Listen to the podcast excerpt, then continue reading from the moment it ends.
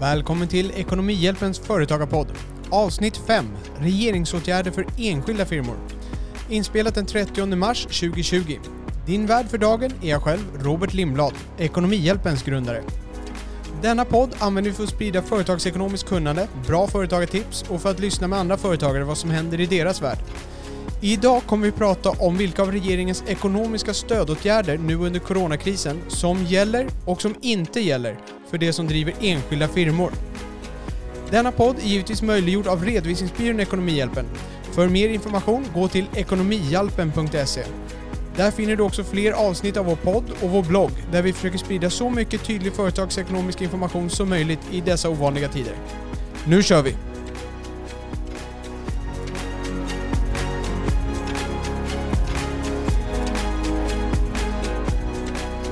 Ja, välkommen till Ekonomihjälpens företagarpodd igen. Idag ska vi fokusera på enskild firma. Vi har hört lite från våra kunder som undrar vilka av de här reglerna gäller egentligen oss som har enskild firma. Och då tänker jag främst på en enskild firma utan anställda, vilket ju är det vanligaste. Det kan givetvis vara så att en enskild firma har anställda. Vi har några sådana kunder här på Ekonomihjälpen. Men det vanligaste är att när man har börjat växa så pass mycket som man anställer så brukar man växla upp till aktiebolag. Så vårt fokus nu är enskild firma utan anställda. Vilka av de här åtgärderna som regeringen har släppt som påverkar enskild firma, som hjälper enskild firma? Om vi börjar med sjukpenningen. Där är det ju så att på enskild firma så får man en schabloniserad sjukpenning för upp till 14 karensdagar. Och i enskild firma kan man ju välja hur många karensdagar man har. I enskild firma finns det ju ingen arbetsgivare som betalar ut lön, så man väljer om man vill ha en eller sju eller 14 eller 30 eller 60 eller 90 karensdagar. Man kan alltså välja 90 karensdagar. Då betalar man sin egen lön i 90 dagar innan man kan gå till Försäkringskassan. Belöningen för att välja till exempel 90 karensdagar är att man får betala lägre egenavgifter. Detta är dock inte värt det. Det är nästan bäst att ha en karensdag om man frågar mig, men att ligga kvar på standard som är sju, gör man ingenting som har sju karensdagar, det är helt okej okay det också. Så i det här fallet så har regeringen gått in och sagt att man får en sjukpenning för upp till 14 karensdagar. Så det betyder, skulle man ha valt 30 eller 60 eller 90 karensdagar så som jag förstår det får man då gå in och betala sig själv dag 15 och framåt i det här fallet. Eh, och det är det enda jag kan utgå ifrån. Vi har inte mer information om vad som händer då. Den sjukpenning man får är schabloniserad och jag misstänker att det är samma sak som man normalt får. För att när du beräknar sjukpenning på en enskild firma där man inte har en månadslön att luta sig mot, som du har i ett aktiebolag eller framförallt om det är en anställd som har en normal lön inom situationstecken. De kommer antagligen titta på antingen tidigare år, hur mycket du har tjänat, kanske titta tidigare månader i år, mindre troligt, eller ta någonting som är för en branschstandard så du får en schablon enligt ditt yrke, din bransch. Det här gäller från och med 11 mars till och med 31 maj så det gäller redan nu. Så har ni varit sjuka så har ni rätt till sjukpenning från Försäkringskassan för de 14 första dagarna åtminstone. Och är det ju så att ni har sju karensdagar som standard är, ja då får ni ta de här sju karensdagarna. Sen dag åtta kunde ni redan tidigare söka hos Försäkringskassan. Så då tar ju Försäkringskassan vid då. Så det enda tillfälle det kan bli problem det är om ni har valt 30, 60 eller 90 karensdagar för där har vi inte fått något annat än att då får man fortfarande betala sig själv. Så då skulle det alltså vara att du får från Försäkringskassan dag 1 till 14, sen dag 15 till 30 om du nu har valt 30. Då skulle du då få betala dig själv, det vill säga du får ingen ersättning, du får ingen sjukpenning och sen kan du gå till Försäkringskassan igen. Det är min tolkning. Jag har inte läst något annat, jag har inte kunnat hitta någon annan information som är mer specifik. Så jag får anta det tills vidare, även om det låter lite underligt. Sen tänkte jag klara det här med smittbärarpenning. Det finns en del som känner att det här kanske är någonting man kan använda som ursäkt för att stanna hemma fastän man inte är riktigt sjuk för att man tror att man har corona och då inte kan gå ut och smitta andra. Det är inte riktigt så enkelt. En smittbärarpenning det kan man alltså få om man är smittad eller kan vara smittad av en allmänfarlig sjukdom men detta ska intygas av en läkare. Du måste alltså gå till en läkare för att utreda om du har en smittsam sjukdom och läkaren ska skriva ut ett intyg som du behöver ge till Försäkringskassan för att visa att du har rätt till den här smittbärarpenningen. Så den är inte så enkel som den låter. Vi kan inte bara stanna hemma och säga att jag kanske är smittbärare. Sjukpenningen det är någonting som man kan använda sig för om du är sjuk. Får har du rätt till ersättning från dag ett Eh, de 14 första dagarna åtminstone. Och de flesta av de som lyssnar på det här misstänker jag har aldrig ändrat sina karensdagar. Ni har sju dagar. Det betyder att ni kan gå dag ett och vara sjuka tills ni blir friska igen och få sjukpenning för hela den tiden. Hur man anmäler sig till det här, det har jag lämnat i en länk i avsnittsanteckningarna. Så gå in i avsnittsanteckningarna. De finns på vår hemsida. De finns i de flesta appar, ska jag knappt säga, för att de appar som man lyssnar mest på, Spotify, de visar inte avsnittsanteckningar. Inte Stitcher heller om det är en, en app ni använder. Men pocketcasts, iTunes, de visar avsnittsanteckningar. Men om ni använder till exempel Spotify så finns det på vår hemsida. Ni går in och letar upp det här avsnittet. Där finns en länk till hur ni anmäler er med instruktioner från Försäkringskassan. Hur man anmäler sig för en sån här sjukpenning. Så sjukpenningen, ja, där finns det hjälp att få om ni är sjuka. Korttidspermitteringen. Det är det som man har hört nästan mest snack om här, för det har varit mycket snack om vilka regler som gäller, vilka som omfattas, vilka som inte omfattas. Det som det går ut på är att man kan minska arbetstiden och ändå få lön. Det som man pratar mycket om är att som mest kan du minska arbetstiden så att du bara jobbar 40% men du får lön som om du jobbade 90%. Du får alltså 90% av din lön, du jobbar 40% av tiden. Och staten sticker till med 45% av de här 90% du betalar. Så att du skulle alltså minska din egen lönekostnad. Du skulle betala ungefär hälften av vad du normalt får fast du jobbar 40% av tiden.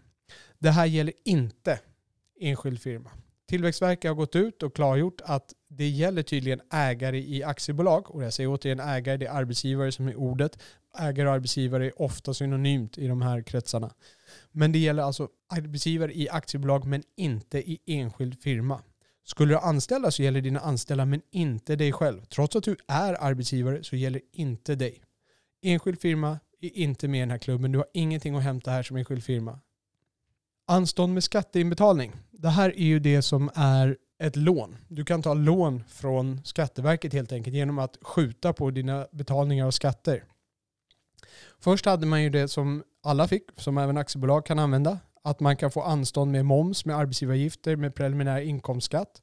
Du kan ta upp till tre perioder. Du kan välja att du vill ha januaris, februaris och mars moms, arbetsgivaravgifter och preliminärskatt och sen skjuta dem ända upp i ett års tid och betala dem ett år senare istället för att betala dem nu. Och har du redan betalat dem, ja då får du tillbaka dem nu och så får du betala igen om ett år då.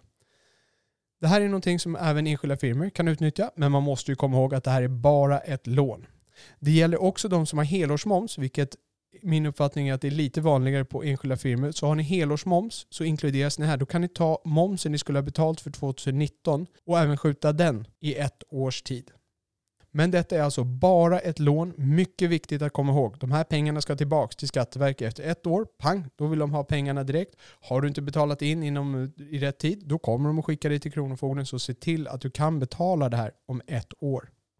Men sen har de ju nu nyligen kommit med en åtgärd just riktad mot enskild firma med gällande att skjuta på skatt och det är att skatten för 2019.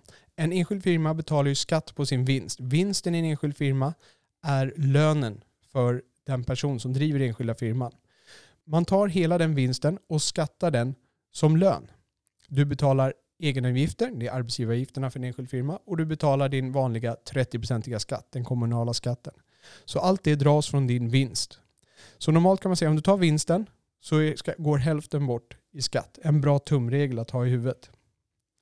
Så i det här fallet kan man nu skjuta på hela, hela den skatten för 2019.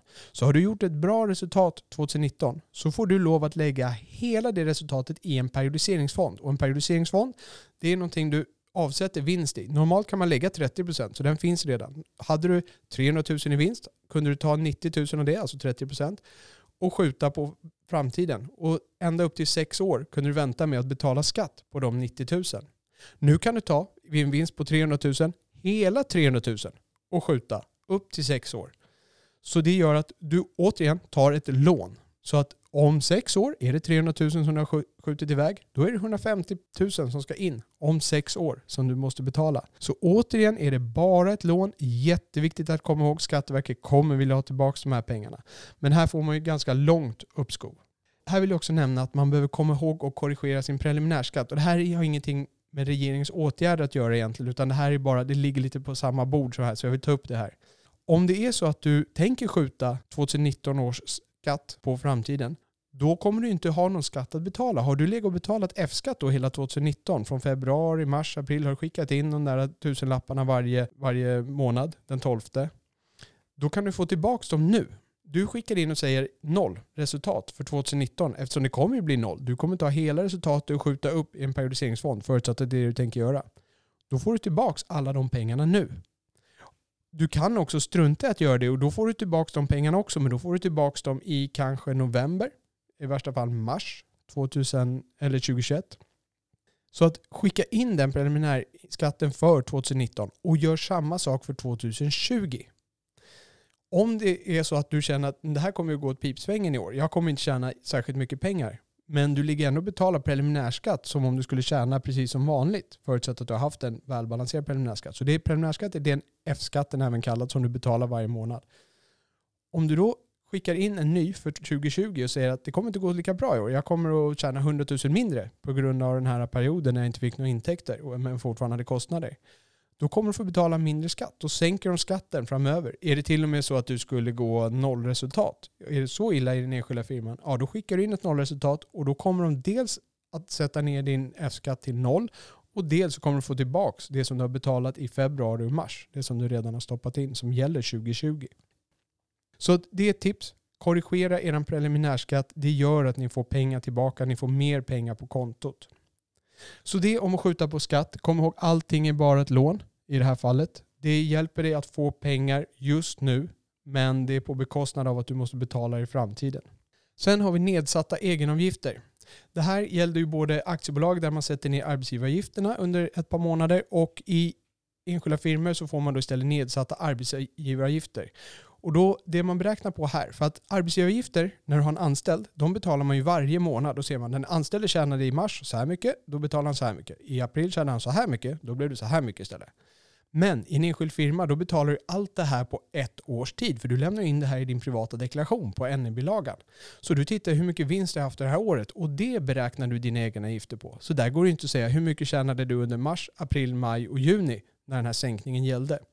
Så därför har de gjort så att man betalar en lägre egenavgift generellt som blir motsvarande. Och har man sju karensdagar som är standard då kommer det bli att istället för att du betalar 28,97 procent egenavgifter så kommer du betala 22,72 procent. Och då har du fått precis samma minskning som en anställd fick under de här fyra månaderna. Samma procentuella minskning. Så du kommer att betala lägre egenavgifter. Här kommer du att spara pengar. Så hur mycket pengar sparar man då kan man ju fråga sig. Jo, om du skulle ha en vinst på 400 000 så skulle du med de normala egenavgifterna, förutsatt att du har sju karensdagar och betalar 28,97%, så skulle du då ha betalat cirka 15 000 mer än vad du kommer att göra nu med den här sänkningen. Så på en vinst på 400 000 så har du 15 000 mer. Lite mer än 1000 kronor extra i månaden vid en vinst på 400 000. Desto mer vinst du har, desto större blir den här lättnaden givetvis. Eh, hur man räknar ut det här, det finns med i anteckningarna till det här avsnittet. Ni kan gå in och läsa det på hemsidan eller i de appar där avsnittsanteckningarna finns med. Det vill säga inte Spotify, inte Stitcher, men nästan alla andra. Så det är nedsatta egenavgifter. Det är en hjälp, men man får ju den här hjälpen långt fram. För de här ska ju inte betalas förrän november 2021 till mars 2023. Så då får ni, i det här exemplet till exempel, då får ni 15 000 mindre att betala. Så att den hjälpen kommer ju inte nu. Det är bra. Det vi har ingenting att klaga på i det här. Men det är inga pengar ni får in nu. Sen finns det hyresnedsättningen. Och här är det ju beroende på verksamheten. Jag tror inte att den kommer gälla allt för många enskilda firmor. För oftast är det, det för, för, den här gäller ju de branscher som är särskilt utsatta. Så det behöver vara en restaurang, café, det behöver vara ett hotell eller dylikt, transport. Då kan du få den här hyresminskningen. Och det fungerar så att din hyresvärd måste i första hand tillåta att, det, att hyran sänks. Han måste gå med på att hy, sänka hyran. Sen kan hyresvärden få tillbaka hälften av den här hyressänkningen upp till en halvering av hyran. Gör man mer än halvering då får du, då får du bara en halvering av halveringen. Eh, titta på anteckningarna där, det är lättare att förstå när man läser det när man pratar. Och jag tror inte att så många enskilda firmor sitter på en restaurang ensamma utan anställda. Jag tror inte att det kommer vara så många scenarion här är. Det finns en liten abrovink i det här att det kan gälla andra utsatta branscher också där de har lämnat en liten dörr för att tolka och ta in andra branscher som är drabbade. Jag nämnde i tidigare avsnitt till exempel en tjej som bedriver en idrottsverksamhet där, en fotbollsverksamhet där hon tar dit ungdomar och tränar. Den skulle jag kanske öppna för att den kanske skulle tolkas som särskilt drabbad under de här tiderna. Men det vet vi inte. Där är det lämnat öppet för tolkning och jag tror att det kommer finnas en viss subjektivitet där. De har lagt till den paragrafen för att kunna ta med de som verkligen behöver och kanske exkludera de som inte borde höra till här, som inte behöver det här stödet. Så det är hyresreduceringen. Är det någonting som gäller er så måste ni först och främst tala med er hyresvärd. Det här är ju till för att hyresvärden ska bli mer villig att sänka hyran. De kommer ju fortfarande att förlora på det. Om de halverar hyran, även om de får stödet så förlorar de ju då 25% av intäkten. Det är ju en väldigt bra åtgärd och jag tror att det här behövs mycket och jag uppmuntrar hyresvärdar att sänka hyran. Jag vet att inte alla hyresvärdar har det lätt, men hyresvärdar är några av de som i min tolkning av den här situationen drabbas minst. Och därför tycker jag att där borde finnas en hand att sträcka ut. Jag sitter själv med som hyresvärd och vi försöker sträcka ut en hand så gott vi kan. Sedan har vi lånen från banken. Och det här är samma sak som för ett aktiebolag. Sen kanske vet jag inte om det är mer eller mindre tveksamt att man kan få de här lånen till en enskild firma. Man behöver ju visa sina behov. Det som är att staten går in och garanterar 70% av lånet som man ger till småföretagare då, inom en serie villkor. Och det ska göra att bankerna blir mer villiga. De riskerar bara 30% av det här lånet. Därtill så räntan för de första 12 månaderna, de skjuts fram. Det är inte räntefritt utan de skjuts fram. Man får betala räntan ett år senare. Så precis som med skatten är det bara ett lån det här med räntan. Så du får ett lån från banken som du inte behöver betala räntan för just nu utan du får betala räntan för senare. Och bankerna ska alltså vara villiga att lämna ut det här. Om man tittar på räntorna som det talas om här så kommer det antagligen att vara mer attraktivt att försöka skjuta skatten på framtiden där du bara betalar skattekontoräntan plus 0,3. Slutligen så har vi a-kassan. Och det här är kanske någonting som är lite mer aktuellt just för enskilda firmor, de som driver enskilda firmor. De har gjort en åtgärd där man ska kunna lägga sin enskilda firma vilande enligt a-kassans definiering. Och här är det viktigt, det finns ingen officiell definiering av ordet vilande, vilande firma, vilande bolag, utan a-kassan har ju sin definition. Och sen pratas det i folkmun, man kallar ett holdingbolag vilande, man kallar ett inaktivt bolag för vilande, men det finns ingen officiell definition. Så när man går till a-kassan och de säger att vi vill att det ska vara vilande, då är det deras version av vilande. Då måste man fråga a-kassan, vilka villkor måste jag uppfylla för att det ska vara vilande? Men det som har varit är att det har funnits en regel att man får bara lägga det vilande var femte år. Så du måste ha haft din enskilda firma i fem år, sen får du lägga vilande en gång, sen måste du ha den i fem år till och sen får du lägga vilande en gång. Och vilande betyder att du inte behöver lägga ner din firma för att få a-kassan, utan du behöver uppfylla vissa villkor. Och de villkoren måste du tala med din a-kassa om. Jag kan inte uttala mig om det här. Du måste ringa upp din a-kassa, fråga vad gäller för mig? Vilka villkor måste jag uppfylla för att få ha min, mitt bolag vilande? Och den här regeln, som jag förstår den, så kommer den beslutas den 6 april med allt annat och då kommer den här bli lagstadgad. Så att det kanske är den 7 april som man kan börja ringa a-kassan om det här. Men här är det ju, har du betalat a-kassa och nu inte har något jobb så är det här absolut, absolut någonting som du ska utnyttja. Då är det, det här är läget. Så du måste kontakta din a-kassa då, kolla upp villkoren, se till om du måste vänta till den sjunde, när kan du ansöka om det här och se till att lösa det här. För det, här, det är det här du har betalat din a-kassa för hela tiden. Det är nu du behöver hjälpen. Om du inte har jobb och dessutom har betalat den a-kassan. Därtill kan du lägga ditt företag vilande så att du kan återuppta verksamheten om vi nu kommer igång om en månad, två månader, vad det nu dröjer. Så det är åtgärderna som finns och hur de speglar sig mot enskild firma. Det är inte så jättemycket lättnader för enskild firma. De enda sakerna som gör att du betalar mindre är att du får betala lite mindre skatt i och med att egenavgifterna sänks. Du kanske kan få nedsatt hyra om du då skulle vara en av de som är berättigade till det och har en hyresvärd som är villig att gå ner. Och sen är resten lån. Förutom a-kassebiten då som jag inte har direkt med resultatet att göra. Sen är resten lån. Du kan skjuta upp skatter, du kanske kan få lån från banken, men allting är bara lån för att du ska överleva just nu. Lån som de måste betala igen senare. Du får inte så mycket ersättning för dina förlorade intäkter. Så därför är egentligen de som ligger bäst till av de som ligger så här illa till, det är de som har betalat a-kassan i det här fallet och kan lägga sitt företag vilande de är de som kan räddas bäst i den här situationen och överleva. Ja, det var det som jag tänkte gå igenom här med enskild firma. Och har ni några följdfrågor på det här, är det någonting ni känner att jag har missat, är det någonting ni känner att jag har missat att adressera, lägg gärna kommentarer på hemsidan på det här. Om ni går in i bloggen så finns det här poddavsnittet där. Gå in, lägg in kommentarer där, jag besvarar frågorna så gott jag kan både där och kanske lägger upp en ny bloggpost om det är mycket. Så håll kontakten om det är någonting som ni känner att ni har kvar att fråga. Med det så säger jag tack för idag. Ta hand om varandra där ute och sträck ut en hand till varandra både som företagare och som människor. Kör hårt! Du har lyssnat på Ekonomihjälpens företagarpodd. Avsnitt 5. Regeringsåtgärder för enskilda firmor. Inspelat den 30 mars 2020. Din värd för dagen har varit jag själv, Robert Lindblad. Du hittar sammanfattning och länkar i avsnittsanteckningarna på Ekonomihjälpens hemsida och i podcastappar som visar avsnittsanteckningar. Podden är möjliggjord av redovisningsbyrån Ekonomihjälpen som ni finner på ekonomihjälpen.se. Med det så tackar vi för oss. Företaga smart!